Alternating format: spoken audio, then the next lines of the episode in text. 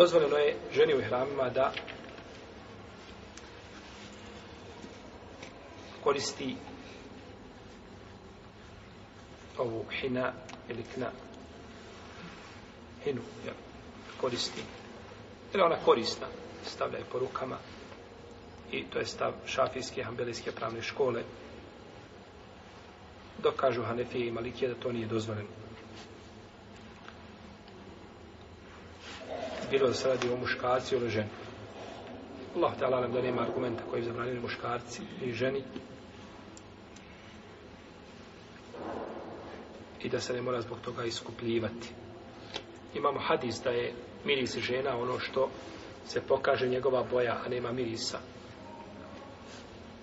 No, međutim, ono što je zabranjeno ženi jeste od miris, znači koji bi, koji bi se osjetio. Dalje da se koristi kohan. surma, jeli,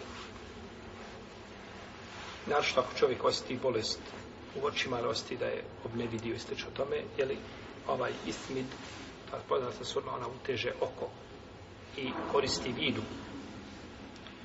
I imam neovi kaže da je to dozvoljeno po konsensusu konsensus islamskih učenjaka da koristi, znači, muhrim kuhl surmu u kojoj nema mirisa.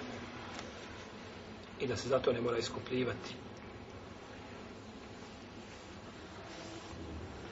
I tako je Ajša radijallahu ta'ala kada je pitana o tome, dozvolila je znači i kaže to nije miris, to nije zinet i ukras.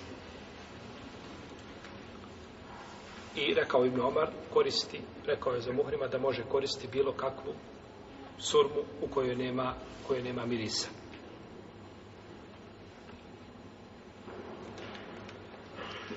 Tako da je čovjeku to dozvoljeno da koristi, ali najbolje mu je znači, koristi to ako ima potrebu za tim. Ako ima potrebu, u protivnom je preče ostaviti. Jer imaju hadisi poslanika iz kojih bi se sve moglo zaključiti da je to, da bi to bilo mekruh.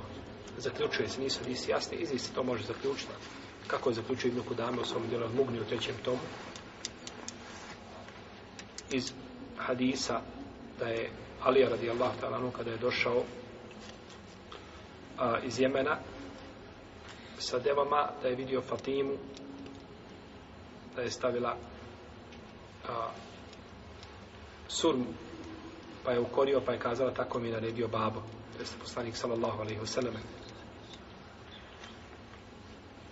pa neki zaključivali znači iz ovoga da je to bilo zabranjeno pa je da je njoj da je, da je ovaj da je ovaj da je, da je to bio stari mekru pa da je poslanik sa osam dozvolio u svakom slučaju je li radi potrebe vjerovatno U svakom slučaju pitanje je li zaključivanje ovoga hadisa, jer on nije jasan po tome, po tome pitanju.